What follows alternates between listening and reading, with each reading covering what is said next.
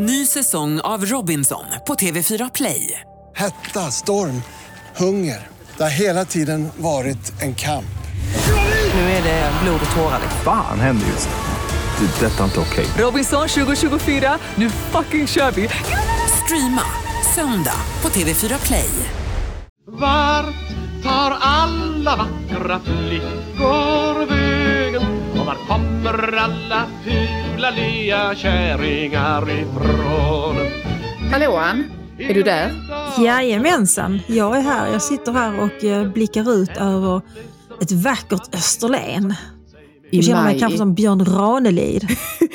ja, eh, i månaden maj, det är den vackraste månaden i hela Sverige tycker jag, men särskilt i Skåne.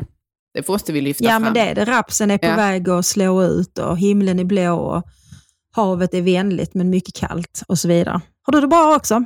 Ja, även här i Göteborg blir ju, ser vi ju från den vackra, sin vackraste sida i eh, månaden maj måste jag säga. Jag brukar vara lite göteborgsk kritisk, men eh, nu bjuder hon till Göteborg tycker jag. Ja. Ja men det är bra. Inte så mycket regn kanske? Nej, inte underifrån i alla fall, bara lite ovanifrån. Nej. Ja.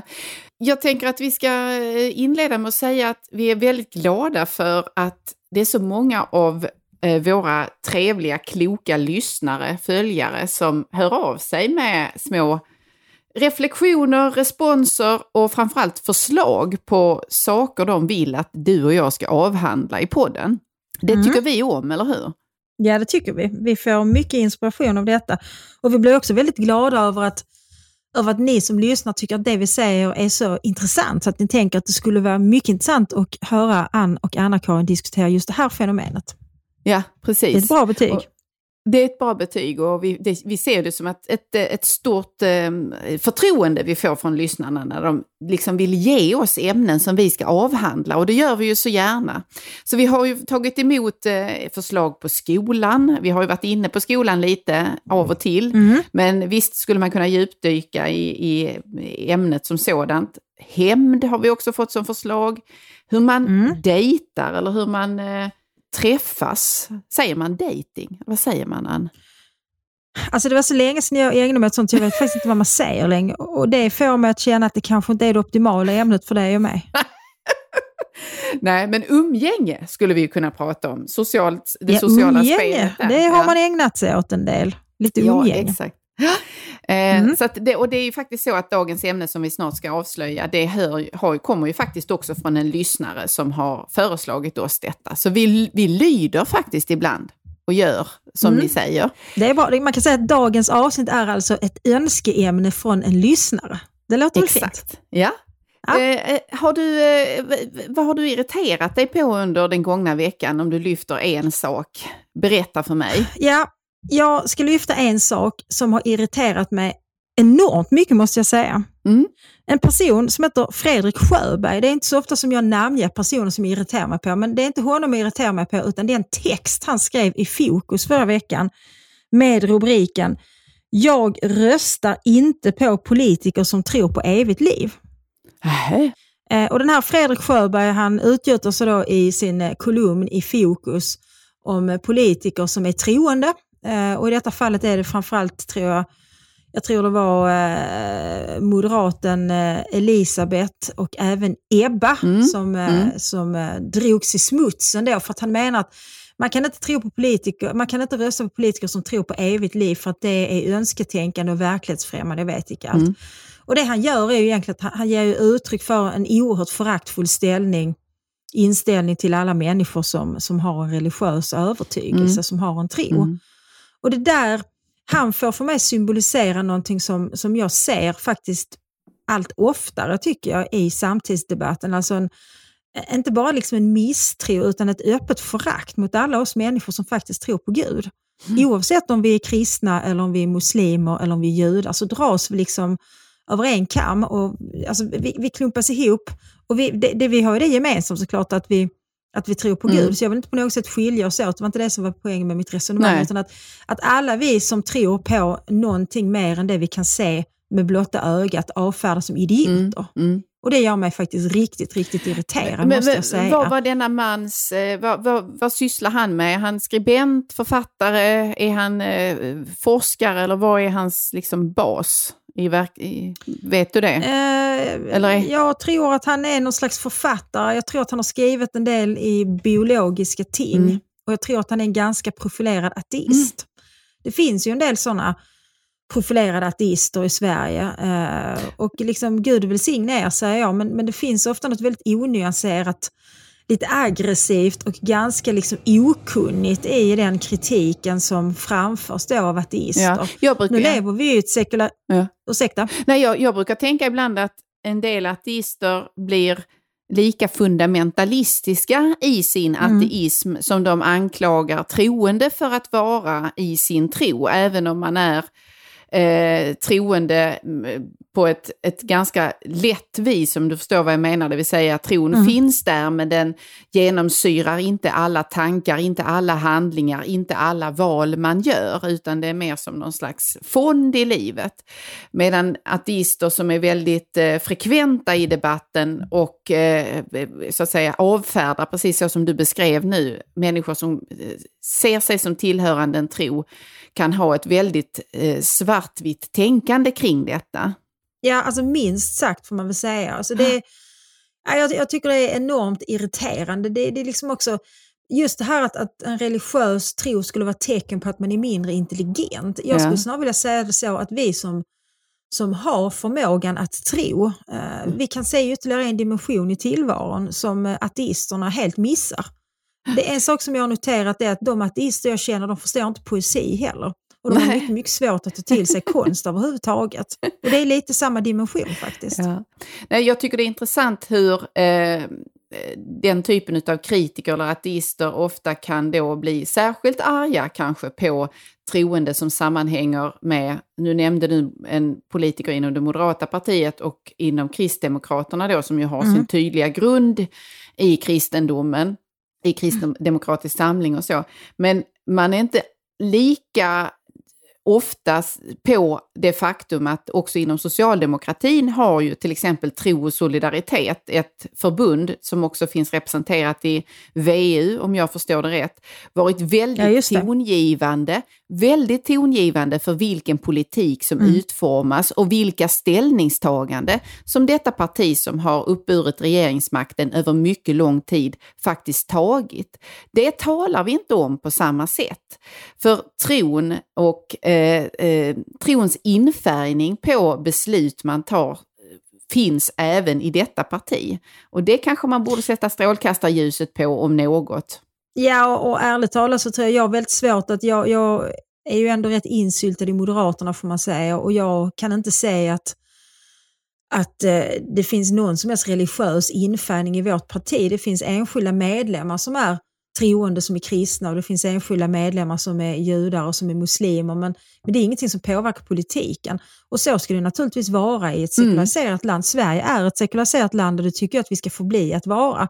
Vilket innebär att religiösa argument inte har, har eh, någonting i den politiska eller offentliga debatten att göra. Men, men samtidigt så innebär det också att vi lever i ett sekulariserat land att vi måste, faktiskt måste respektera varandras tro. Mm.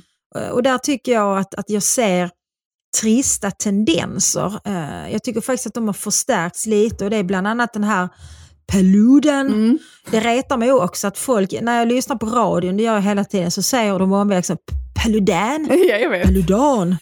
Han heter Paludan för helvete. För helvete, han är ju dansk. Säg det nu. Paludan.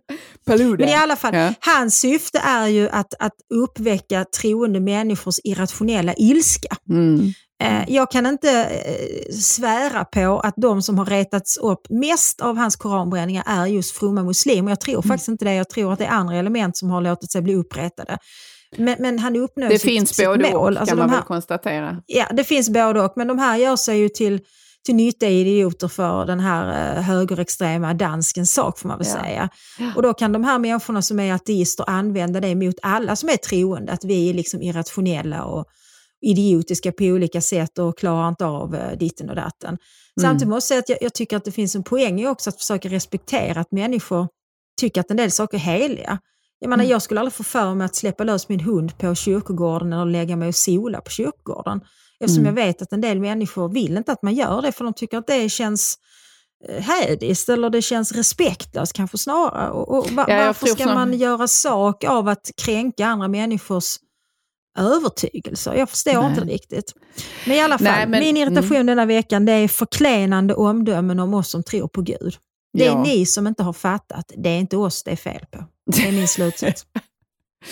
Nu tänker jag irritera mig på, på någonting mycket mer trivialt och vardagligt än detta, eh, denna avancerade Ja, det irritation. Eh, och det är ju så, nu vet ju alla lyssnare här att jag älskar att cykla och att jag har dålig balans när jag cyklar, jag trillar Ja. ofta. Så det har jag ju berättat innan, jag brände ju min hövdinghjälm i en stillastående Herregud. fallolycka eh, med min Ja, just lilla, det. Ja. Eh, det var ju en irritation tidigare, men nu, nu tänker jag rikta min irritation mot de män, det är ofta män, som Mm. cyklar om mig när jag är ute. Mhm. De cyklar om mig och de använder inte ringklockan för att signalera att de avser att cykla om mig. Och det De bara kommer swishande de kommer bara swishande och det är inte så att de liksom ropar till så att jag ska vara med på att nu kommer det någon väldigt... Och det, det här är män, män, män som är klädda i väldigt åtsittande kläder. När jag cyklar ser jag mer ut... Eh, jag ser mer ut som en uteliggare som har en väldigt fin och dyr cykel. För jag har inte... jag har inte lagt särskilt mycket pengar på min outfit vad gäller cyklingen. Utan det, det, där spar jag krutet till jag visar mig eh, i andra sammanhang. Så att det, det är liksom ett hopplock. bra av- val, bra prioritering tycker jag. Ja, men de här männen som cyklar om mig, de har satsat storligen på att se atletiska och snabba och eh, lyckraklädda ut. Det är tajt och det är Eh, glansigt antar jag. Ja, och de har grejer fästa på kropparna, de har sin vattenflaska där eller någon tyngd på ryggen och så vidare och solglasögon och sånt där som är så att det inte ska bli någon vind och ja, du vet, hela munderingen. Ja. Och icke att de kan använda ringklockan när de ska avisera att de kör om mig. Det här är mycket irriterande. Jag skulle också vilja gå så långt som att säga att det är faktiskt farligt. För tänk Mm. om jag trillar när de eh, cyklar förbi, för jag blir stressad av detta. Och det ådrar mig ytterligare eh, blessyrer i ansiktet. Skador. Vore, vore inte det väldigt tråkigt för Sverige, frågar jag mig. Jo, det vore tråkigt för hela Sverige. Ja. Så att ni som tycker om att klä ut er till eh, eh, meme-artister när ni cyklar, Tror du att det är det som är ambitionen? jag ser dem så. Använd ringklockan eller ropa till så kommer jag inte att rikta min vrede mot er fler gånger. Men, men just nu är den mycket stark och jag, har, jag, jag ser på er med onda ögon. Det var min irritation. Ja, men det har du, jag- jag har du rätt i. Ja, för eh, våren, våren 2019 så arbetade jag i Staffanstorp som eh, politisk sekreterare. Och jag bodde då i Lund och sen, det är ju inte så långt mellan Lund och Staffanstorp men du vet liksom den skånska blåsten, jag tror det, det är knappt en mil mellan Lund och Staffanstorp. Så Mm. tänkte jag så att nej men nu ska jag minsann börja cykla till jobb istället och inte Mm. sitta liksom i min bil och så vidare. Mm. Men det, det är Skåne, det blåser mycket och det är liksom en svag lutning uppåt. Jag menar, även om det är Lundaslätten där så finns en viss lutning som var till min Ja. nackdel så att säga när jag skulle cykla till Staffanstorp på morgnarna. Och detta var precis när vad ska vi säga, elcyklarna hade gjort sitt intåg på mycket bred front. Och jag fattade ju inte att folk hade elcyklar. ah, det var så alla bara körde om eh, dig. Ja, det var oerhört deprimerande. Jag kämpade som ett djur där på min eh, tantcykel och folk bara så swish. Och det var liksom så kanske kom personer som såg ut som de vägde kanske 250 kilo och var i mycket Ja. dålig form. Och de bara liksom rusade förbi med sina cyklar. Men jag blev Ja, men- mycket glad när jag förstod att det sen var elcyklar för då kände jag mig lite mindre dålig i alla fall. Ja, oerhört sportig kände ju du dig. Men du, då kan jag berätta om en gång hände det mig, detta var innan jag hade min supercykel, utan då hade jag bara en sån Mm. traditionell damcykel. Eh, En sån och som jag kämpade Ja, jag kämpade på i motvind och trampade på och sådär. Och då var det en man, en sån här mimartist, som körde upp bredvid mig och ger mig tips om hur jag bör växla för att eh, få ut bättre... Jo. Jag hade inte bett Lite honom om mansplaining på cykelbanan. Ja. Så att det, det är, eh, sköt er själva men håll er till trafikreglerna. Det är väl ett bra råd Jag använder för eh, ringklockor eller skaffa sån här tuda, det kanske är roligare att trycka på. Ja, precis. Har blivit en madam med skunk bak och fram. Ska vi gå in på eh, det spännande ämnet för dagen? Det är ju så att det är faktiskt pengar vi ska prata om idag, cash. Vi ska prata om pengar idag. Ja, det är någonting som upptar ens huvud och eh, tankegångar ganska mycket skulle jag vilja säga. Frånvaron, eller, eller alltså existensen av pengar eller eh, hur man ska skaffa pengar snabbt helst. Ja, jag, jag, jag påtalade det för min man häromdagen faktiskt. För att, jag vet inte, det var någon sån här undersökning som, eh, som eh, redogjordes för i någon dagstidning om hur ofta män respektive kvinnor tänker på sex. Och det är tydligen väldigt ofta. Mm. Och jag känner mig helt oförskämd. För jag, jag, jag, det finns två saker som jag tänker på nästan hela tiden. Och då tittade Erik intresserat på mig så sa han, vad kan det vara? Så att, ja, jag tänker på pengar och så tänker jag på mat. Sen finns det inte så mycket plats för att tänka på sex. Men jag tänker Nej. på pengar och mat nästan hela tiden. Mat tänker jag på för att jag funderar på vad jag ska laga till middag och ser fram emot detta på olika sätt. Funderar vad jag har i kylskåpet och i frysen, vad som behöver användas. Ja, Och sen tänker jag på pengar för att jag bekymrar mig och jag eh, förväntar mig och, och så vidare. Så Ja, pengar precis. upptar eh, många tankar hos mig. Hur, vad skulle du säga, din frekvens, mat, pengar, vad tänker du mest på? Mat, pengar, sex? Ja, pengar ligger nog i, i täten där också, så jag säger. Sen kanske det är eh, dött lopp mellan sex och mat då kanske.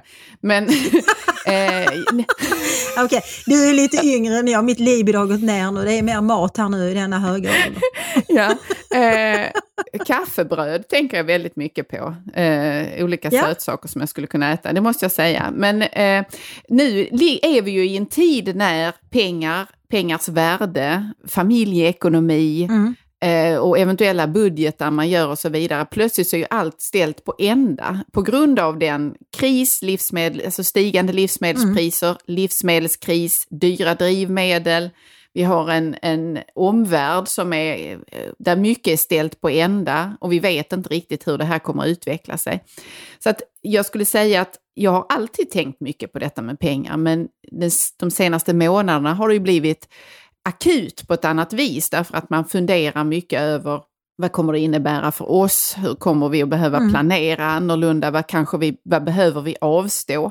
Behöver man vara orolig för någon del av ens arbete eller sysselsättning till följd av detta? För om allting ändras kan också de platser där man har sin försörjning plötsligt eh, ändra karaktär eller inte längre ha plats för en och sådär. Så är det ju. Kanske inte så jättemycket, så är om, man absolut. arbetar, kanske inte så jättemycket om man arbetar i staten, men om man är i näringslivet eller liknande så kan ju detta påverka snabbt. Och jag var faktiskt eh, nyligen eh, på banken för att prata om eh, lån och liknande, alltså re, eh, frågor om fast eller rörlig ränta och sådär. Och då Mm. fick jag jättemånga frågor om sparande. Och där blir Mm. jag, måste jag säga, då blir jag lite barnslig. För att jag, jag blir lite sådär, det ska inte du bry dig om.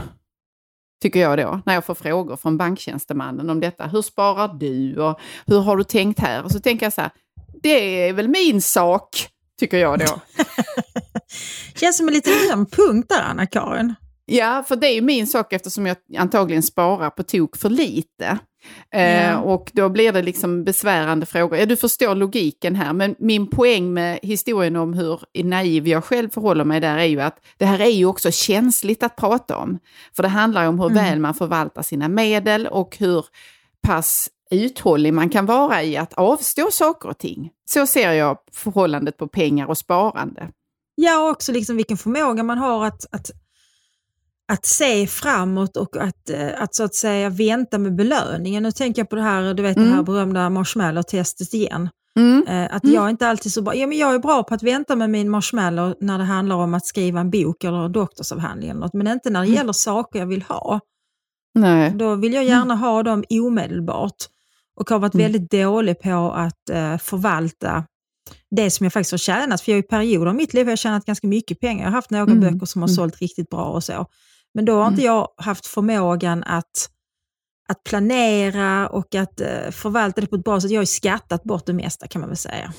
Vilket ju känns lite dystert nu i efterhand. Men nu har jag då börjat spara. För att jag tänker Mm. att om man är över 50 år som jag så borde man ju äga sin bostad. Alla jag känner eh, som är i typ min samhälle som äger sin bostad och de har kanske Mm. också till och med ett litet sommarhus och en båt och så vidare. Så tänker jag att nu, nu, nu måste jag bli vuxen. Ja, det låter underbart. Eh, Nu vill jag äga min bostad, så nu har jag börjat spara. Och jag är väldigt nöjd med detta. Så satt Mm. jag förra veckan i torsdags kväll och betalade mina räkningar, vilket ju alltid är någon slags Harmageddon. Det känns som man står liksom, eh, det är liksom domedag varje gång man ska betala sina räkningar. Mm. Jag betalade mina räkningar och så såg jag att då hade jag så här mycket över. Tänkte jag, okej, då kan jag ta så här mycket och spara. Det var en ganska stor summa jag kunde spara ändå. Så jag var mycket nöjd med detta. Sen så på fredag morgon så skulle jag gå in och titta på mitt sparkonto för att glädjas åt att det växer där. För jag har hållit på med detta ett tag nu och försöker Ja. spara ihop till ett hus. Och plötsligt så inser jag att det står ju mindre på kontot idag än vad det gjorde igår. Så jag blev Ah. nästan panikslagen. Eller jag blev panikslagen. Jag, jag, jag, jag kände hur hela liksom, jag blev svimfärdig, jag behövde kräkas och så vidare. För att de pengarna jag hade satt över på kontot dagen innan, de var helt borta. De var spårlöst försvunna. Det syntes inte tecken på sparkontot och inte på mitt lönekonto. Du, du hade och så blivit... vidare. Och detta ja. var ju, Du hade jag, blivit jag offer har ju för, eh, Swedbank. Ja, Ja. ja. precis. Mm. Jag var ett, ett, ett offer, som, alltså jag blev nästan traumatiserad av detta måste jag säga. Ett offer för Swedbanks stora haveri. Och inte blev det bättre av att de sen flera gånger under dagen sa att ja, men nu så är det åtgärdat och nu ska det stå rätt saldo på er konto. Och då går man ju in helt hysteriskt och kollar om det var fortfarande fel på mitt konto. Så till slut någon Mm. gång liksom sent fredag kväll tänkte jag så, okej jag kan inte göra någonting åt detta nu. Nu tittar jag inte på mitt bankkonto förrän måndag morgon. Och då stod de faktiskt där igen. Kunde du avhålla dig då? eh, Kunde ja, du avhålla det, det kunde dig? jag faktiskt. För att jag, men jag, jag gick omkring och kände mig lite ångestfylld ändå, måste jag säga. Ja, det du illustrerar där, den känslan av att någonting man byggt upp eh, och kämpat för att, att se att de här, det här kapitalet finns och att det växer. Mm. Och sen plötsligt så, så raseras det eller försvinner. Det är ju, eh, vi har ju haft några sådana passager i historien där människors surt förvärvade pengar eller sådant de har eh, som har vuxit genom kloka, smarta, djärva, ibland investeringar. Plötsligt så finns inget värde kvar i detta. Nej. Och det är väl den eh, skräcken vi alla någonstans går och bär på också i ett sammanhang och i en tid som vi nu lever i när inflationen ökar och eh, allting är så att säga står och väger väldigt mycket både i den politiska utvecklingen i, och i fråga om i handel och allting som, som betingar den existensen vi har vant oss vid och tagit för givet. Ja, och just det här alltså värdeminskning som du säger, som vi ju ser nu, nu, nu tillhör inte jag de som, som äger min bostad, men vi har ju sett under de senaste, alltså under pandemin så gick ju faktiskt bostadspriserna upp, vilket jag tyckte var ganska intressant, för att jag trodde nog snarare när vi stod vid randen av pandemin, så kalkylerade jag med, eller trodde jag, att priserna skulle falla just på grund av den oro som fanns i världen och det fanns risk för ökad arbetslöshet och så vidare. Men då såg vi tvärtom en ganska rejäl ökning av fastighetspriserna det hänger ihop med att vi hade ju i princip nollränta under hela den perioden också. Det har ju ändrats nu som vi alla vet. Men det innebär att många har ju köpt bostäder som var överprisade. Så redan nu har vi sett bostadspriserna börja falla, inte minst här ute på Österlen där det blev någon slags enorm hås sommaren 2021 eftersom folk inte kunde åka utomlands och då skulle alla ha ett sommarhus och hus såldes här till alltså fantasipriser verkligen. Och det där måste ju vara förfärligt att se att Låt säga att du har köpt ett hus för 4 miljoner och inser om ett tag här nu att allt det där har sjunkit ihop och du kan vara glad om du får tillbaka kanske 2 miljoner. Ja, Eh, Sådana kriser har vi ju haft innan. Bostadsbubblor och finanskrafter och så vidare. Och det där, eh, jag råkade faktiskt själv ut för det. Jag hade köpt ett mycket dyrt hus som jag fick sälja med 900 000 kronor förlust. Och de, den förlusten Ja. levde jag med i många, många år. Så man Ja, får, det, precis. det är ju liksom långa sviter av detta. Och det är Ja. klart att människor blir märkta av det. Har blivit en madam med skunk bak och fram Och jag tänker så här att det du och jag nu illustrerar här med våra resonemang, det är ju också det är ju drömmen om att, att göra, att någon, liksom någon gång komma riktigt på grön kvist och att få pengar. Eh, och då, då förvärvar man någonting man inte har haft tidigare och det upp, öppnar möjligheter och så vidare. Men i, i andra änden av detta har vi ju människor som är födda med pengar. Mm.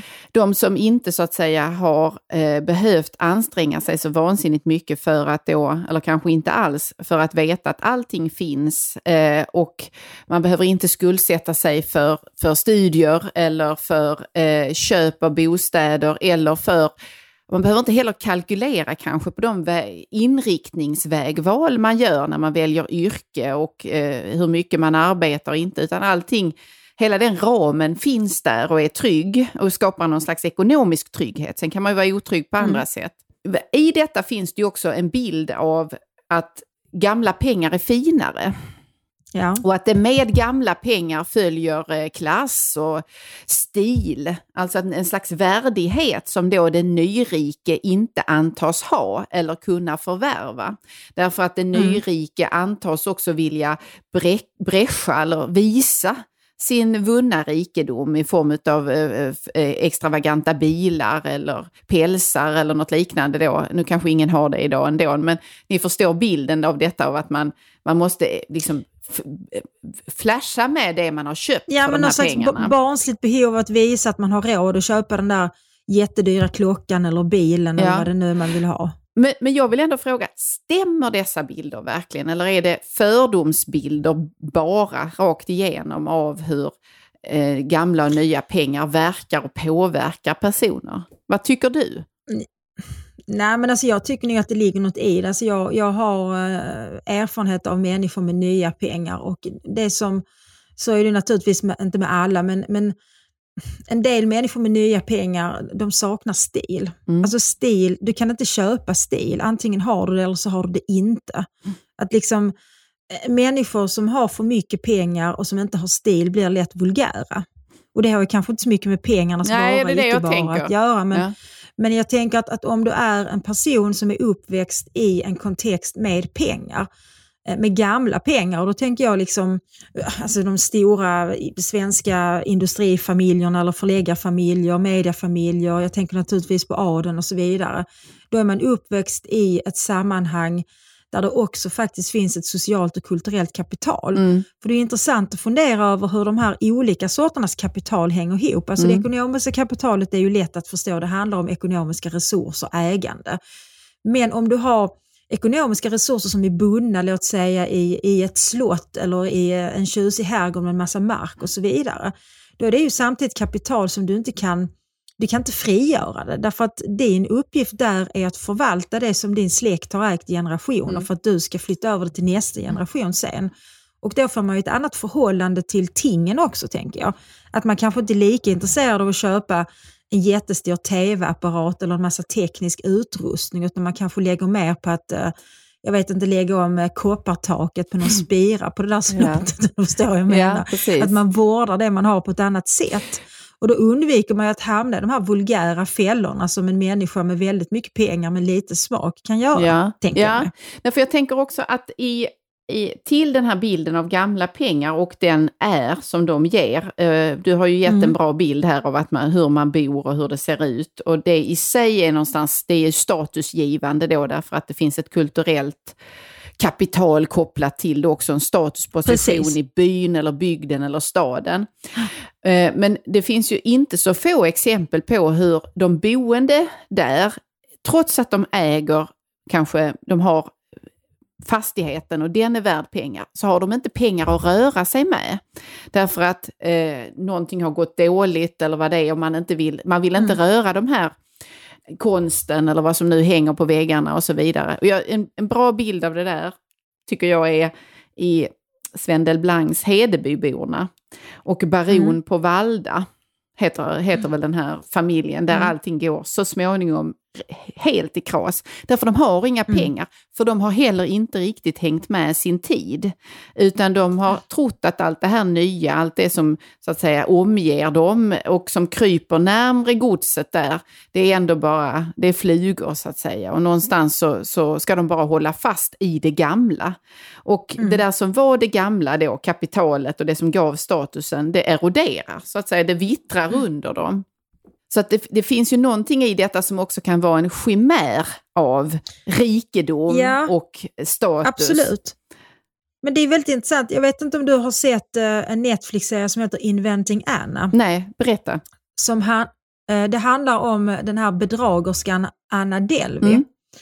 Som eh, skapade sig en rikedom och ett stort socialt umgänge och så vidare i New York genom att hon påstod sig vara jag tror hon påstod sig vara tysk arvtagerska till en mycket stor förmögenhet. Ah, Och hon hade då, Mm, ja precis, och det som var så intressant för det visar så tydligt hur det här alltså sociala och kulturella kapitalet fungerar. För hon kom då till Mm. ett annat land och hon hade den där liksom lite intressanta brytningen av ett diffust europeiskt språk som amerikanerna kanske Mm. inte riktigt kunde identifiera vad det var för något. Och hon förde sig med den här självklarheten som människor som har växt upp med tryggheten att alltid ha pengar. Ehm, och hon kunde ju Mm. låna stora summor pengar för att hon sa att hon var arvtagerska och på sin 25-årsdag skulle hon då få ett mycket stort arv efter sin far. Ja, just det. Och det gjorde ju att alla Mm. var ju, många var ju väldigt intresserade av att umgås med henne och kunde mycket väl låna ut mycket stora summor för att de trodde ju Mm. på detta och så vidare. Sen visade det sig att allting var ju en bluff. Eh, och det tycker jag är så Mm. intressant för det säger också så mycket om att, att eh, liksom, rikedom och pengar och status handlar så mycket om hur vi för oss. För att den här Anna Delvey var ju inte en Ja, karaktär precis. som, som hade eh, jättestora, jättedyra klockor utan det var en annan sorts förfining. En europeisk förfining som amerikaner nog också kan vara ganska intresserade av. Som hon hade, var Mm. väldigt bra på att iscensätta så att säga.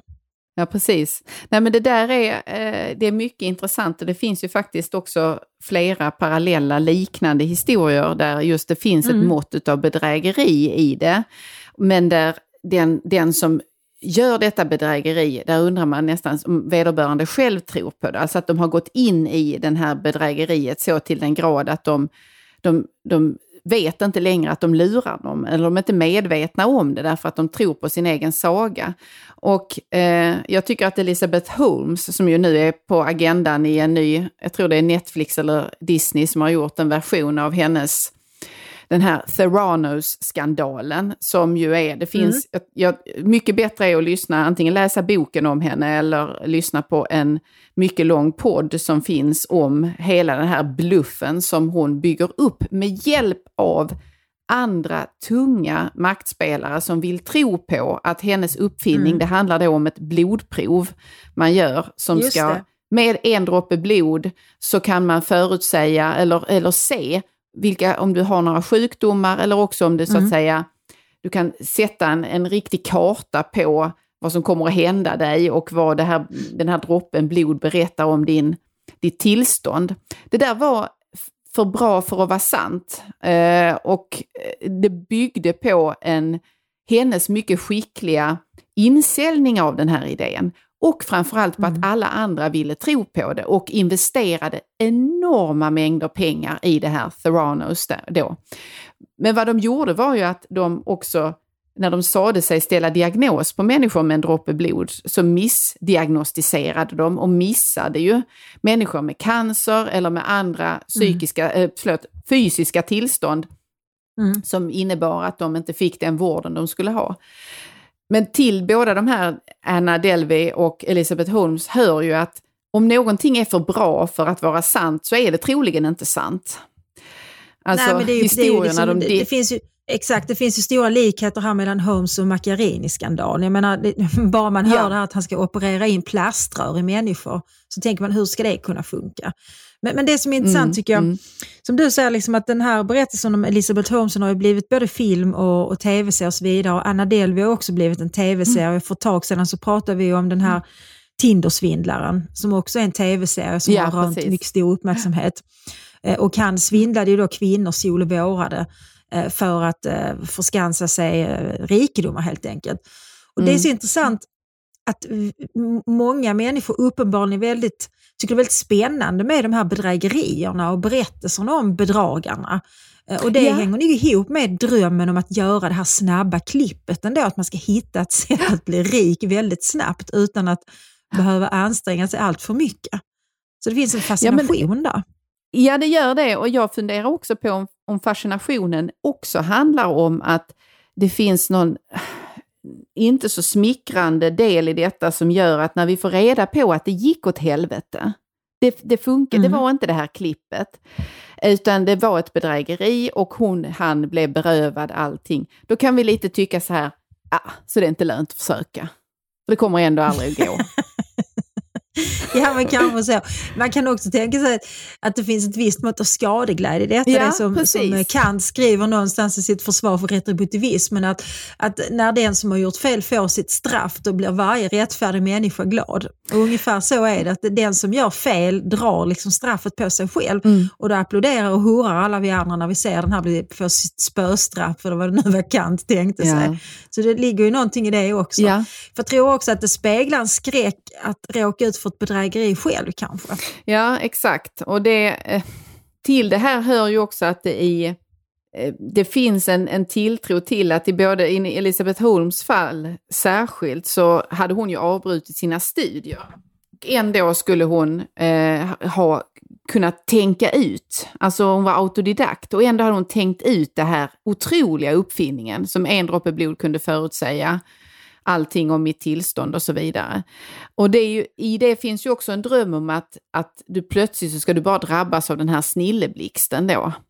Det du pratar om det är någon slags entreprenörskap. Ja, Och det tycker jag är så intressant också för att det är ett ganska, jag menar entreprenörer är inte ett nytt fenomen naturligtvis, för entreprenörer har ju alltid funnits också i ett socialdemokratiskt land som Sverige, det vill säga människor som faktiskt kommer på saker och startar företag och, eh, och, och skapar arbetstillfällen och gör sig pengar på sina egna idéer. Mm. Men jag tänker att i Sverige så har entreprenörer blivit ett, ett fenomen också i offentligheten och eh, i liksom någon slags populärkultur senaste decenniet bara. Kanske jag tänker på sådana här, eh, det är väl reality-tv-serier som Ja, Draknästet det. och The Mm, Apprentice mm. och sådana grejer. Liksom, där Mm. människor kommer då och presenterar en idé. Eh, Mm. Och så ska det då bedömas av en jury som då satsar pengar på det de tycker verkar intressant. Och det är ju liksom Mm. den här Alltså idén om någon som egentligen inte är expert på någonting utan som har näsa för att tjäna pengar. Jag blir alltid väldigt Mm. förvånad när människor blir presenterade som eller presenterar sig själv som entreprenör. För jag tänker, vad är en entreprenör? Jag menar, jag tänker, ja, men vad sysslar de med? För jag tycker om man sysslar med jag vet inte, läkemedel, då är man väl i så fall farmaceut. Förstår? Och sysslar man med, med böcker så är man väl förläggare. så ja, det blir så Ja, märkligt för mig att det blir det är liksom metoden Nej, men- snarare än innehållet eller produkten som är intressant, utan det är det här entreprenörskapet. Där man Ja, kan skifta exakt. från att vara någon som jag vet inte, startar en budfirma till plötsligt vara någon som istället ska eh, göra radioprogram eller någonting. Liksom. Jag, jag Ja, men det finns ju, i, nej men i grunden på det entreprenöriella eller entreprenörskapet så ligger ju att man har en vidd i vad man tar för uppdrag och vad man kan tänka sig göra och jobba med. Och att det kanske är i det finns ett visst mått av uppfinningsrikedom och kanske Mm. djärvhet också i vad man vågar satsa på eller vad man vågar ta sig an. Mm. Men sen har det ju precis som det du beskriver skett en glidning i detta, att man också tror sig politiskt, alltså i utbildningspolitik och så, så tror man sig kunna piska fram det här entreprenöriella genom att säga att man ska ha ämnen i skolan som är eh, entreprenörskap eller att man kan läsa den typen av inriktningar redan på gymnasiet och så. Och det tror jag inte alls på, utan det blir lika knasigt som när man säger att man ska ha värdegrundskunskap i ett specifikt spår eller ett specifikt ämne. Alltså det här måste ju snarare ligga som något stråk i hur man närmar sig de andra befintliga ämnena. Att man pratar om värderingar i relation till eh, historiestu- histo- studier i historia eller att man i andra ämnen också kan ha en öppenhet för detta, att ibland tänka lite utanför ramen eller vara kreativ och så vidare. Men, men i Sverige så tänker vi att vi kan isolera de här förmågorna på något sätt och bara träna det i, i ett slags vakuum. Och det tror inte jag. Jag tror det blir jätte, blir liksom torso- torrsim på något sätt. Ja, men det tror jag också. väl det jag menar när, liksom jag, när jag tycker det är märkligt när folk ser sig som entreprenörer. För jag tänker, jag menar, entreprenör blir man väl om man har en idé. Och man har en idé för att man har lärt sig någonting. Man har tänkt ut Mm, någonting. Och då mm. tänker man att den här idén vill jag omsätta i praktiken. Men det är märkligt med människor som säger att jag är entreprenör. Ja, vad sysslar du med? Det? Ja, det har jag inte kommit på än, men jag vet att jag är entreprenör. men då blir, det liksom, för då blir det liksom att jag har lärt mig en metod, jag vet inte riktigt vad jag ska använda den till. Och det är det som Ja, jag tycker ja. är lite udda. Ny säsong av Robinson på TV4 Play. Hetta, storm, hunger. Det har hela tiden varit en kamp. Nu är det blod och tårar. Fan händer just nu. Det. är Detta är inte okej. Robinson 2024, nu fucking kör vi! Streama söndag på TV4 Play. Ett poddtips från Podplay. I fallen jag aldrig glömmer djupdyker Hasse Aro i arbetet bakom några av Sveriges mest uppseendeväckande brottsutredningar. Går vi in med hemlig telefonavlyssning och, och då upplever vi att vi får en total förändring av hans beteende. Vad är det som händer nu? Vem är det som läcker? Och så säger han att jag är kriminell, jag har varit kriminell i hela mitt liv men att mörda ett barn, där går min gräns. Nya säsongen av Fallen jag aldrig glömmer på Podplay. Midjan så smal, så att royal Jag tycker också det är intressant i ett land som Sverige för att jag tror i Sverige så någonstans så lever vi fortfarande kvar i någon slags idé i Sverige att, att det är fult att vilja tjäna pengar. Mm. Och det är ju rätt så tydligt, inte minst i kulturbranschen som jag har varit verksam i i många år får man väl säga. Att, att det är klart att även människor som, som uh, skriver böcker och sysslar med konst och så vidare vill tjäna pengar. Men man ska gärna ha ett annat syfte, att man vill kanske bidra till föreningen. Ett högre man vill syfte. berätta något som Ja. är väldigt viktigt. Ja, det ska vara ett högre syfte. Och det har ju lett till att kulturbranschen i Sverige är ju helt lamslagen. För de flesta kulturarbetare i det här landet är ju beroende av statliga bidrag. Vilket leder Mm. till tråkig konst och tråkiga böcker skulle jag vilja påstå. Men samtidigt så Ja. har vi då den här, liksom, någon slags nästan beundran för entreprenörskapet och entreprenören i ett land som, Mm. som ändå har den här grundmurade misstänksamheten mot eh, att, att liksom vilja tjäna pengar som ett, som ett mål i sig. Det tycker jag är lite spännande. Eh, hur man Ja, får ihop det. de Men- två, men- två grejerna. Ja. Men kan man tänka sig att det här är en del av ehm, en rest av tanken om att vissa yrken är kallyrken och att det därför inte är, det gör du inte för att du vill eh, eh leva gott utan du gör det för att tjäna något högre syfte eller för att du har ädlare ideal än, än bara att du ser att det trillar in pengar på kontot när månaden är slut. Alltså det där förföljde ju länge yrken som sjuksköterskeyrket eller Mm. läraryrket och också skulle jag hävda då inom den kultur och konstsektor som du när, nämnde. Eh, Mm. Där jag jo, men så att kan, så kan det säkert vara. Ja, samtidigt som vi har den här glidningen, för jag tänker på Andreas Cervenkas bok, nya bok som heter Girig Sverige, Precis. som skildrar eh, hur eh, det finns en, en stor grupp som så att säga har kopplat ett grepp på hur man kan mjölka eller hur man kan eh, ackumulera kapital givet det system vi har i Sverige och hur detta i sig då skapar enorma klyftor och gap mellan människor som bara precis har så de klarar sig, kanske knappt ens det när månaden är slut, kontra de som vältrar sig i pengar och där det hela tiden växer. Och den frågan han ställer sig, om jag förstår det rätt, är ju, eller som jag tolkar det, att hur, hur länge kan det här, hur, hur stora klyftor kan man ha och ändå tänka att samhället håller ihop? Och att det finns någon slags enighet eller eh, gemensamhet kring detta. Skulle du säga att det är en, är det en, riktig tes det där, att det måste vara så lika som möjligt för att liksom, samhället ska hålla ihop? Eller tål man att det finns gap emellan grupper eller tjänstekategorier eller vad jag nu ska använda för, för epitet här? Alltså det finns Jag tycker det är en, hel intressant fråga. Ja, men alltså det finns en hel del empiri som gör gällande att ett samhälle med stora ekonomiska och sociala klyftor är ett sämre samhälle för alla. Därför ett samhälle Mm. med stora ekonomiska och sociala klyftor är ett samhälle som i högre utsträckning än mer jämlika samhälle har problem med, med kriminalitet, eh, man har större problem med psykisk ohälsa, man har fler självmord per capita, man har eh, fler eh, tonårsaborter per capita och så vidare. Jag tänker bland annat på Wilkinson och Piketts eh, ganska så omfångsrika bok Jämlikhetsanden. Eh, och de är Ja, inte precis. de första som har skrivit om det, men just jämlikhetsanden fick ju ett väldigt genomslag när den kom. Mm. Och eh, alltså, deras empiriska material är ganska övertygande.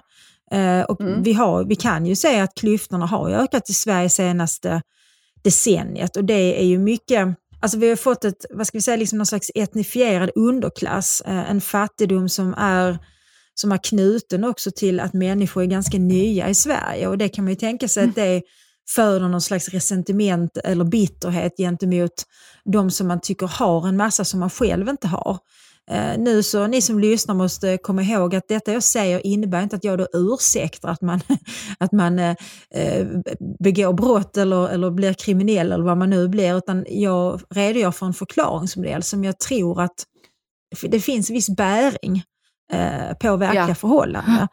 Samtidigt Ja. menar jag att det är också viktigt att det finns, inte klyftor, men det är viktigt att det finns någon slags rimlig skillnad i belöning för de människor som väljer att utbilda sig och som väljer att då eh, bidra till samhället. Låt säga att man utbildar sig till läkare och faktiskt gör en väldigt stor insats för eh, många människor. Och de som då väljer att inte utbilda sig och som framlever Mm. sina liv med eh, det som man kallar enkla yrken och så vidare. Där menar jag att det måste ju finnas en, en skillnad i belöning i form av, av vilken lön man får. Ja, men för det, det du är inne på där, det tycker jag sammanhänger en del med Lars Trägård, han är historiker, Mm, hans just det. forskning kopplat till tillit. Och där, Precis. eh, eller samhällskont samhällskontraktet är ju det begrepp Ja. han gärna använder sig av. Och jag tycker det är ett gott begrepp. Jag- Bo Rothstein, eh, statsvetare, har ju varit inne på samma sak, nämligen att det måste finnas, alltså det, det finns eh, ett en överenskommelse mellan samhället och det samhället ger Mm. och den som då Ja. hämtar ut saker ur detta. Och där eh, Trädgård menar att mentaliteten, förhållningssättet i Sverige länge var att man, man drar sig från, alltså man betalar in men man drar sig väldigt länge för att hämta ut så att säga. Och att vi framförallt Mm. är fler som betalar in och som bidrar till den en, trygghetsbasen eller det här skyddsnätet som omger oss alla en Mm. som hämtar ut. Men där man då har så att säga fått in mentaliteter eller mentalitet har uppstått, det kan vara vilket som, som snarare drivs av detta att, att tömma, eh, hämta ut så mycket som möjligt och att man inte känner någon förpliktelse eller någon, något krav på detta att ge tillbaka eller att ge av eh, den delen som är, man är skyldig Mm. att betala. Ja, men det tycker jag också. Jag vet att vi har varit inne på det tidigare. Jag tänker att det som vi också pratar om nu, vi pratar om pengar, en del har pengar, en del har mycket pengar och andra har lite pengar, en del kanske har mycket lite pengar, om man nu kan säga så, det låter konstigt. Men jag vet att det, det uppstod en diskussion i Sverige för det kan ju varit nästan tio år sedan när eh, om det var Rädda Barnen eller Röda Korset som hade någon kampanj inför sommaren som handlade om eh, hur många fattiga barn det finns i Sverige. Och då var det ju många som ondgjorde sig över detta och menade att det finns minsann inga fattiga barn i Sverige. Men det som, som man använde sig av där var ju det som man kallar för det relativa fattigdomsbegreppet. Där det handlar om att fattig är man ju i relation till, eh, till medelinkomster så att säga, eller i relation till det andra har. Så i Sverige så har vi ju tack och lov inte särskilt många människor som som är fattiga på det viset att de inte har mat för dagen. För vi har ju ett, ett fungerande välfärdssystem eh, så länge man inte så att säga, straffar ut sig från alla system, för det förekommer ju dessvärre också. Utan fattig Mm. i Sverige är man då enligt den definitionen om man till exempel inte kan åka på semester, om man tvingas dela rum med ett syskon, eh, om man är trångbodd och så vidare. Mm. Och då kan man naturligtvis tänka sig att nej men vadå, liksom, eh, det är väl ingen som har dött av att dela rum med sin eh, lillebror och måste man åka på semester och så vidare. Ehm, och jag kan väl delvis dela den uppfattningen, men, jag menar också att det ligger ändå någonting i det här att man jämför sig ju hela tiden med de som finns runt omkring en. Eh, och Ja, det är ju, den, den jämförelsen är ju, är ju intressant och det är ju den som definierar vem man är eh, i någon mening, eller vem man uppfattar sig själv vara. Och Ja. det är ju i den jämförelsen som man också funderar över varför en del har och jag inte har, eller mina föräldrar inte har, eller, eller vad Ja. det kan vara och så vidare. Och det Ja, tror jag bidrar till det som du pratar om, nämligen en, en känsla av att man inte riktigt ingår i samhället Mm, mm, och, och att det kan uppkomma då en, en bristande tillit som konsekvens av detta. Vad tänker du Ja. om det relativa fattigdomsbegreppet, Anna-Karin? Ja, nej men jag, jag eh, delar din bild där och jag, kan, jag, jag blev ganska irriterad också när den diskussionen kom upp eftersom att man, man, gjorde, en, man gjorde ju en väldigt stor sak av för vi måste ju skilja lite på om det är frågan om då att man har, inte har tillgång till ett eget rum, eh, exempelvis, om det är en sån här indikator på eh, relativ fattigdom, kontra annan form av lidande eller utsatthet eller förluster som man kanske har i relation till andra barn i fråga om vad de har. Där jag kan tycka att mätindikatorerna man hade där var något trubbiga och kanske också satta i ett land som har rätt så hög, höga nivåer som det är. Om du förstår vad jag menar. Men det som, en sak som jag grunnar mycket på det är hur Alltså i det, i det sammanhang och i det samhälle som vi lever i, där vi har ett eh, högt skattetryck eh, och där vi har internaliserat, skulle jag nästan säga, att det är så det är. Eh, och vi, mm. precis som du och jag resonerar här, så säger vi att det där skyddsnätet är väldigt viktigt och att det är till för att jämna ut också och se till mm. så att barn, och unga, eh, kvinnor och män har rimliga möjligheter att, att bygga mm. sina liv och välja väg och inte vara så att säga särskilt bestraffade för att deras föräldrar inte har, har, är födda med silversked i mun och sådär. Allt det där är mycket, mycket bra. Och det är jag för alla dagar i veckan. Men jag funderar ändå på om det är så att vi internaliserat detta så till en grad att vi inte alltid ser hur relationerna mellan skatt och bidrag och hur till exempel pengar nu växlar. Jag tänker på exempelvis återbetalandet av kompensationen för de höga elpriserna. Mm. Och där man då kan bli glad för att man får tillbaka pengar från staten och se det som någon slags gåva. När det i själva verket var så att det hade också att göra med väldigt höga, eh, hög energiskatt som var Precis. orsaken till att vi förstone betalade så mycket för elen i december månad eller i januari eller februari eller när det nu var räkningen kom.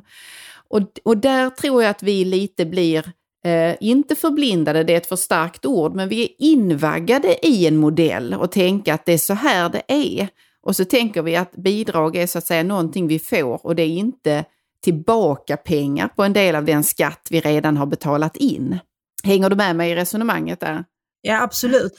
Det är ju samma med den här, eh, alla bilägare skulle få en tusenlapp här nu någon gång i början på sommaren har jag fått för mig. Och det är en mm. kompensation då för de historiskt höga eh, bränslekostnaderna på bensin och diesel, men, men, det är också i hög utsträckning faktiskt skatt. Så att istället mm. för att nu mm. staten tar på sig tomteluvan här och ska dela ut pengar till folk som har betalat sjuka summor i elkostnader och eh, bensinpengar och så vidare, så kanske man skulle mm. kunna titta över på moms och skatt. Det är ju bara ja, en idé. Precis. Men precis som du säger Anna-Karin så är vi liksom, det är som att vi, vi är så insnöade i det här systemet så vi ser inte riktigt vi ser inte riktigt att det här är våra egna pengar. Vi får ju inte en present av staten nu utan det är ju våra skattepengar. Och jag, ja, är, jag betalar mycket gärna skatt för att vi ska ha en fungerande sjukvård och en fungerande skola och för att vi ska ha ett välfärdssystem som gör att människor som är sjuka eller arbetslösa faktiskt också har en dräglig levnadsnivå. Jag är mer tveksam ja. till en mängd olika mer eller mindre märkliga statliga myndigheter som kostar enormt mycket pengar. Och jag är mycket stark ja. motståndare till den här familjeveckan som eh, sossarna valfläskar med. Eh, varför ska jag betala för att barnfamiljer ska få en extra semestervecka? Det förstår jag faktiskt inte riktigt. Nej, nej den är jättekonstigt tänkt, det måste jag också säga. Och jag tycker att den i synnerhet när vi talar om andra nödvändiga områden som vi måste förstärka, försvaret till exempel, så blir sådana där mm. satsningar märkliga. Eh, det är märklig liksom plakat eh, Eh, ja, men det är väl då som man känner sig som Leif Östling, eller hur? Ja, ja. Precis. Nu snarkar han när det inte kluckar Men du, jag vill faktiskt fråga dig så här. Eh, tycker du att man blir snyggare om man är rik? Alltså man har ju större möjlighet att vara snygg om man är rik. Där får man Man kan göra något åt sitt bristfälliga utseende. Man kan ha skräddarsydda kläder, man kan gå ofta till frisören och så vidare. Ja. Men jag tror inte det är det du menar, utan jag, jag, tror att frågan egentligen handlar om ifall rikedom gör en människa mer attraktiv.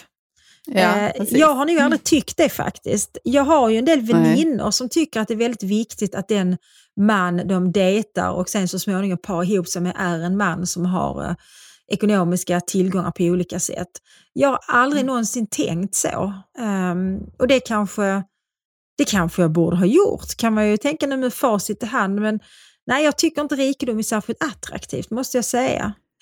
Jag tror också jag har haft svårt att leva med en människa som, som är väldigt rik eftersom jag inte är väldigt rik själv. Jag vet under en period som inte alls ligger långt bak i tiden så hade jag hamnat i svåra ekonomiska eh, oegentligheter, hade mycket, ytterst lite pengar att röra mig med. Mm. Eh, medan mina vänner då har eh, mer pengar att röra sig med. Mm. Och de är mycket generösa mina vänner så då bjöd de ofta mig för de visste att jag hade verkligen inga pengar. Eh, Mm. Så då kunde de liksom betala krognotan och, och, och så vidare. Så kunde jag kontra med att bjuda hem på något hemlagat och så. Mm. Men i längden så blir det svårt därför man känner sig man känner sig ojämlik, man känner sig som att man står i tacksamhetsskuld. Och jag kunde inte hålla jämna steg. Om, om, låt säga att mina vänner fick för sig så, ah, men det skulle vara jättekul om vi åkte till Sicilien tillsammans. Då kunde inte jag följa med för jag hade inte råd att åka till Sicilien. Och jag kunde inte riktigt hålla jämna steg när det gällde eh, vilken outfit man hade och hur ofta man eh, sprutade in olika grejer i ansiktet och sådana saker. Nej. att de pengarna fanns inte. Men, men, ja. Och jag hade nog tyckt det var väldigt jobbigt att leva med en människa som hade helt andra resurser än jag. För jag hade nog också haft svårt att... Har du haft svårt mina- att ta emot? mina- Har du haft svårt att ta emot Ja, men då? alltså någonstans finns det väl en idé om att man vill bidra, tänker jag. Jo, absolut. I en relation. Men, eh, jo, nej, men det, jag tänker så här att det, det, det du beskriver där med dina vänner och så, det är ju en, en del i detta att vi ofta på något sätt umgås och rör oss i kretsar som ligger ungefär på, ungefär på samma nivå som man själv är. Just för Precis. att det, annars så blir det på något sätt, det finns någonting märkligt eh, stötande och kanske till och med förminskande i det om någon kan bjuda oerhört mycket mer extravagant än vad man själv kan. Så det, där, det finns ju någon slags logik i det, tycker jag. Sen det andra delen du talar om, det där med om man nu sammanlever med någon som har väsentligt högre lön än vad man själv har och att det kan vara så, så sa jag lite sådär blont, eh, men det är ju bra för då kan man ju, det blir ju bra för dig också. Eh, och det ligger ju någonting i det, samtidigt som man förlorar sitt oberoende. Och då tycker jag vi är i en av liksom, eh, litteraturens eller dramatikens klassiker, för det är ju Nora i ett dockhem, i ett nötskal, verkligen skulle man kunna säga. För Ibsens Nora är ju, har ju absolut inga pengar. Hennes man har allt. Och för att hon ska få sig lite friutrymme så förfalskar hon en revers för att få pengar. Och hon gör också någonting gott för de här pengarna. Det är inte för att hon ska bara eh, eh, liksom unna sig själv någonting, utan hon har ett gott syfte med dem. Men vad Ibsen skildrade är ju då kvinnans beroende av mannen och kvinnans omyndigförklarande klarande i den tiden då eh, hennes handlingsutrymme var väldigt, väldigt snävt och där äktenskapet då var en stycken en, en, eh, ett fängelse i detta faktiskt och höll kvar kvinnan i beroende i relation till mannen. Så det där är ju en klok hållning som du ger uttryck för att någonstans så vill man ju kunna bidra själv och också känna att det man har, det ger en möjlighet att, att dra om det skulle vara så. Jag vet inte vem det var som myntade uttrycket fuck off-kapital, men det är väl något sånt som, eh, som mer borgerligt sinnade feminister brukar, eh, brukar slänga sig med. Och det handlar om just det att faktiskt ha en egen inkomst så att man kan lämna ett förhållande om förhållandet inte längre fungerar. Och det är nog en väldigt sund bas i varje relation att man inte är beroende av varandra på det fundamentala sättet. Man är beroende av varandra för att man älskar varandra för att man har valt varandra. Inte för att eh, den andra ska betala ens hyra. Nej, precis. Men har du någon sån här eh, lästips eller litteratur eller filmtips till våra kära lyssnare om man nu vill fördjupa sig i pengar och tänka på olika dimensioner av att ha eller inte ha pengar? Alltså vad det gör så, med en. det som jag, som, som jag har tänkt på, det är faktiskt Vilhelm Mobergs uh, utvandrar och invandrarsvit. Mm. För det handlar ju faktiskt väldigt mycket om fattigdom eh, och vad fattigdom driver människor till. Det är ju en, en fruktansvärd scen med den här flickan som, som äter gröten som ännu inte har, har svällt tillräckligt mycket. Mm. Och jag tänker också på eh, de unga männen eh, som letar efter guld när de väl har kommit över till USA. Och jag tänker på den glädje som sen finns när man också bygger upp någonting. När man Mm. bygger det här lilla huset och när, när man kan skörda liksom, eh, sitt första äpple och allt vad det nu kan vara. Så Mm. den, den boken, liksom, den, den handlar, de handlar om väldigt mycket, eh, Mobergs eh, utvandrar invandrarsvit. Men, men, men just det här, alltså hur mycket ekonomiska tillgångar och drömmen om att klara sig själv. För det är ändå Ja, det som är precis. pengarnas viktigaste funktion, tänker jag. Inte att egentligen köpa en massa värdelösa saker, utan pengarnas viktigaste funktion är att ge dig friheten att, få, att, att kunna ta hand om dig själv, att bestämma själv, att inte behöva slicka någon annans röv om jag får uttrycka Ja. lite brutalt här. Eh, Ja, men det är och tycker jag att den, Ja, och jag tänker på en annan bok i samma genre som jag läser som barn. Eh, böckerna om Kulla-Gulla. Eh, Mm. vad heter hon nu som skrev dem? Sandgren Sandberg va? Ja, som är precis. väldigt intressant för att huvudpersonen där, Kulla-Gulla, det är en sån här överjordisk, snäll, blond flicka som hamnar i Mm. en torparfamilj eh, eller en statarfamilj där hon ska hjälpa till med barnen.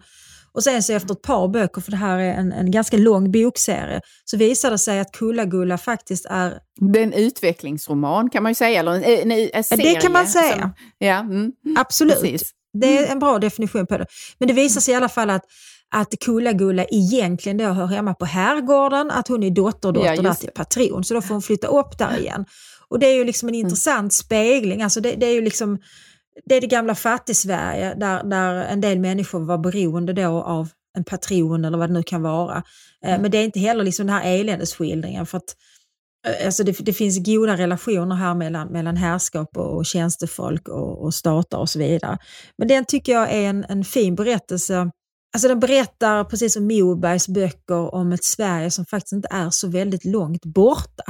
Eh, och kan ibland precis. också, tänker jag, eh, uppmana till lite eftertanke, att vi har det faktiskt mycket bra nu på många sätt. Eh, som ett litet Mm. inlägg i, i den här diskussionen också om idén om, om fattigdom i Sverige och det relativa fattigdomsbegreppet. Ja, Har du någon bok som du skulle vilja tipsa om? Ja, jag tänker mig att man kan se eller läsa, helst både och, Stolthet och fördom av Austen. Ja. Eh, därför att den är, är ju lite en variant på problematiken i ett dockhem som jag beskrev tidigare, men där hur den här de, hur de här döttrarna eller systrarna hela tiden måste tänka. De får inte låta känslorna styra för mycket när de eh, ska välja make eller eh, och navigera på äktenskapsmarknaden. Utan hela tiden måste de tänka vad, vad har den här personen eh, för bostad? Vad har de för arv? Vad har de för kapital? Vad innebär det för mig? Där, där så att säga pengarna, flickornas frånvaro av pengar och egen status eh, gör att de hela tiden måste välja efter någon som då har det och kan så att säga ge till dem. Och det där tycker jag är en intressant aspekt av detta som vi lyckligen har kommit bort ifrån. Men precis som du sa, att man kan påminna sig om hur, hur nära i tiden detta ändå var. Och visst finns det sådana som tänker så fortfarande än idag på, på, eh, eh, i vår tid. Att man gift, Absolut. tänker sig att man gifter sig till rikedom och så. Men sen tänker jag också att faktiskt eh, eh, den oerhörda jätteklassikern Borta med vinden faktiskt Mm. handlar om eh, Scarlett O'Haras eh, Mm. ansträngningar, verkligen djupa ansträngningar för att slippa vara hungrig. Och hur hon går, har vi den där bågen igen med att gå från rikedom och välbefinnande och oerhört vackra klänningar till att bli berövad allt och sen bygga upp någonting Mm. nytt igen för att slippa vara hungrig.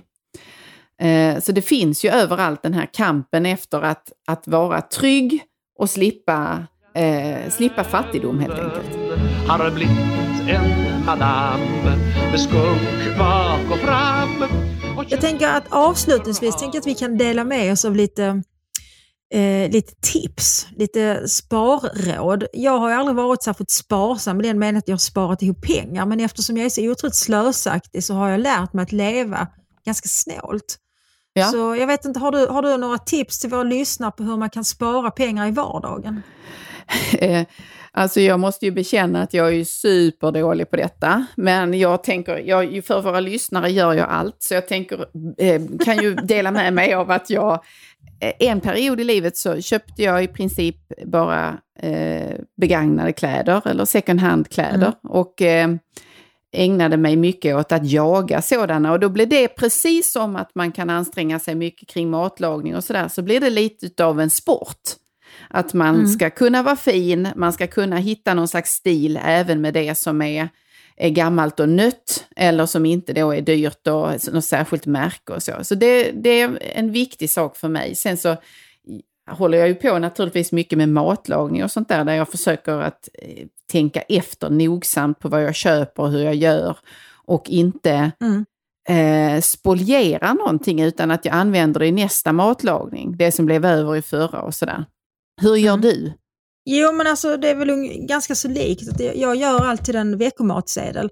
Och den gör jag med ledning i två saker. Dels vad som är i säsong, för det är i allmänhet Mm. billigast att köpa mat som är i säsong. Och sen med ledning också då av eh, de här eh, reklambladen som man får från sitt lokala ICA och Coop och vad det Mm. nu kan vara. Mm. Och så gör jag en veckomatsedel eh, där jag faktiskt också planerar in matlådor. För det är ett mycket bra sätt att tjäna pengar eller att spara pengar. För att jag lunch på jobb så kostar det mig 125 kronor. Och gör man det fem dagar i veckan hela månaden så blir det faktiskt några tusenlappar. Så man kan ta med sig en Mm. matlåda, tycker jag är ett bra tips. Aldrig någonsin slänga Mm. rester utan alltid eh, göra någonting nytt av dem. Frys in allting som du inte vet vad du ska göra med för förr eller senare får du nytta av det.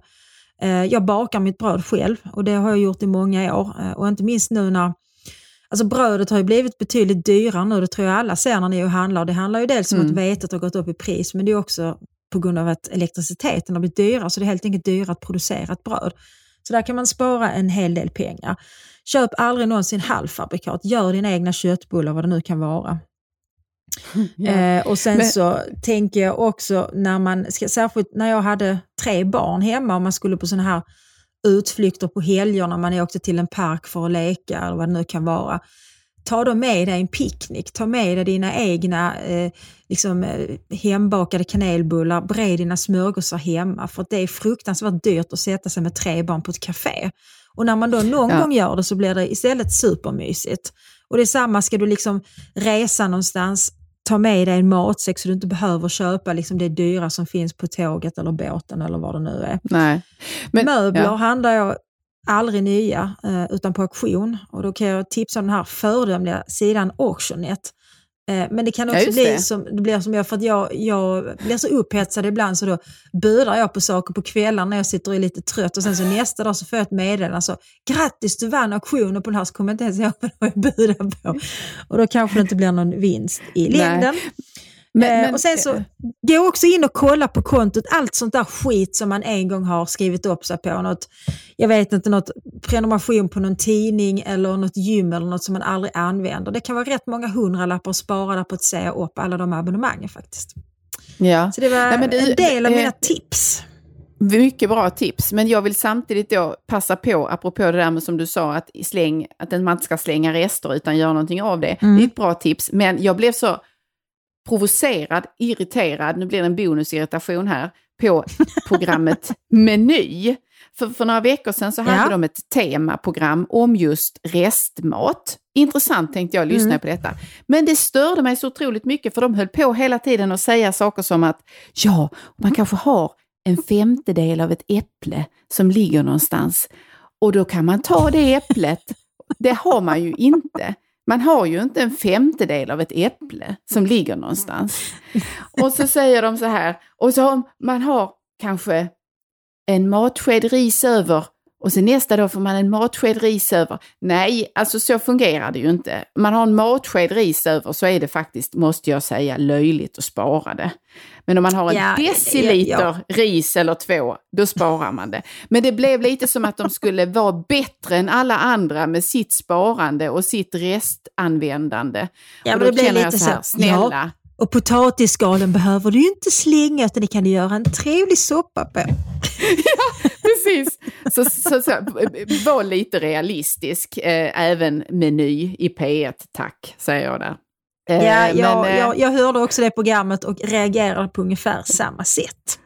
tänkte du jag- att du jag hade en håller helt fem, med dig. hittade du någon femtedels äpple då i ditt skafferi, eller hur gjorde du? Nej, jag hittade inte någon femtedels äpple. Uh, Hitta en död hitta, och en matsked ris tror jag att jag ger till hunden faktiskt. Ja, precis. Om det bara är en matsked kvar. Vi, vi kan väl uppmana våra lyssnare att nu få på full patte spela Money, Money, Money med ABBA denna söndag. eh, och Ja, men det tänka, tycker jag. Ja, tänka att eh, det är ändå gött med pengar och eh, eh, man kan alltid drömma om dem i alla fall i väntan på att det ska trilla ner över en. Och hålla drömmen levande som min faster gjorde. Min faster Gunnel som aldrig blev så rik som hon önskade sig. Hon, eh, hon fick cancer i hela kroppen, hon var storrökare.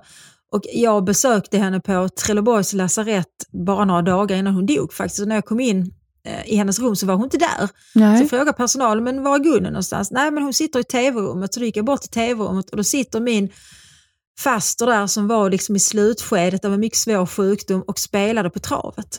Åh, Hon vilken- släppte liksom aldrig drömmen om att den stora vinsten skulle rulla in om Nej. så var sista veckan i hennes liv. Och det tyckte jag på något vis var storslaget. Ja, att hålla det. drömmen levande. Det var det. Faktiskt. Så det uppmanar jag er att göra också. Håll drömmen levande och gör det med stil. Hej då! Hej då! Tar alla vackra former vägen? Och var kommer alla hakorna på makorna ifrån? Ny säsong av Robinson på TV4 Play. Hetta, storm, hunger. Det har hela tiden varit en kamp. Nu är det blod och tårar. Fan händer just nu. Det. är Detta är inte okej. Robinson 2024, nu fucking kör vi! Streama söndag på TV4 Play.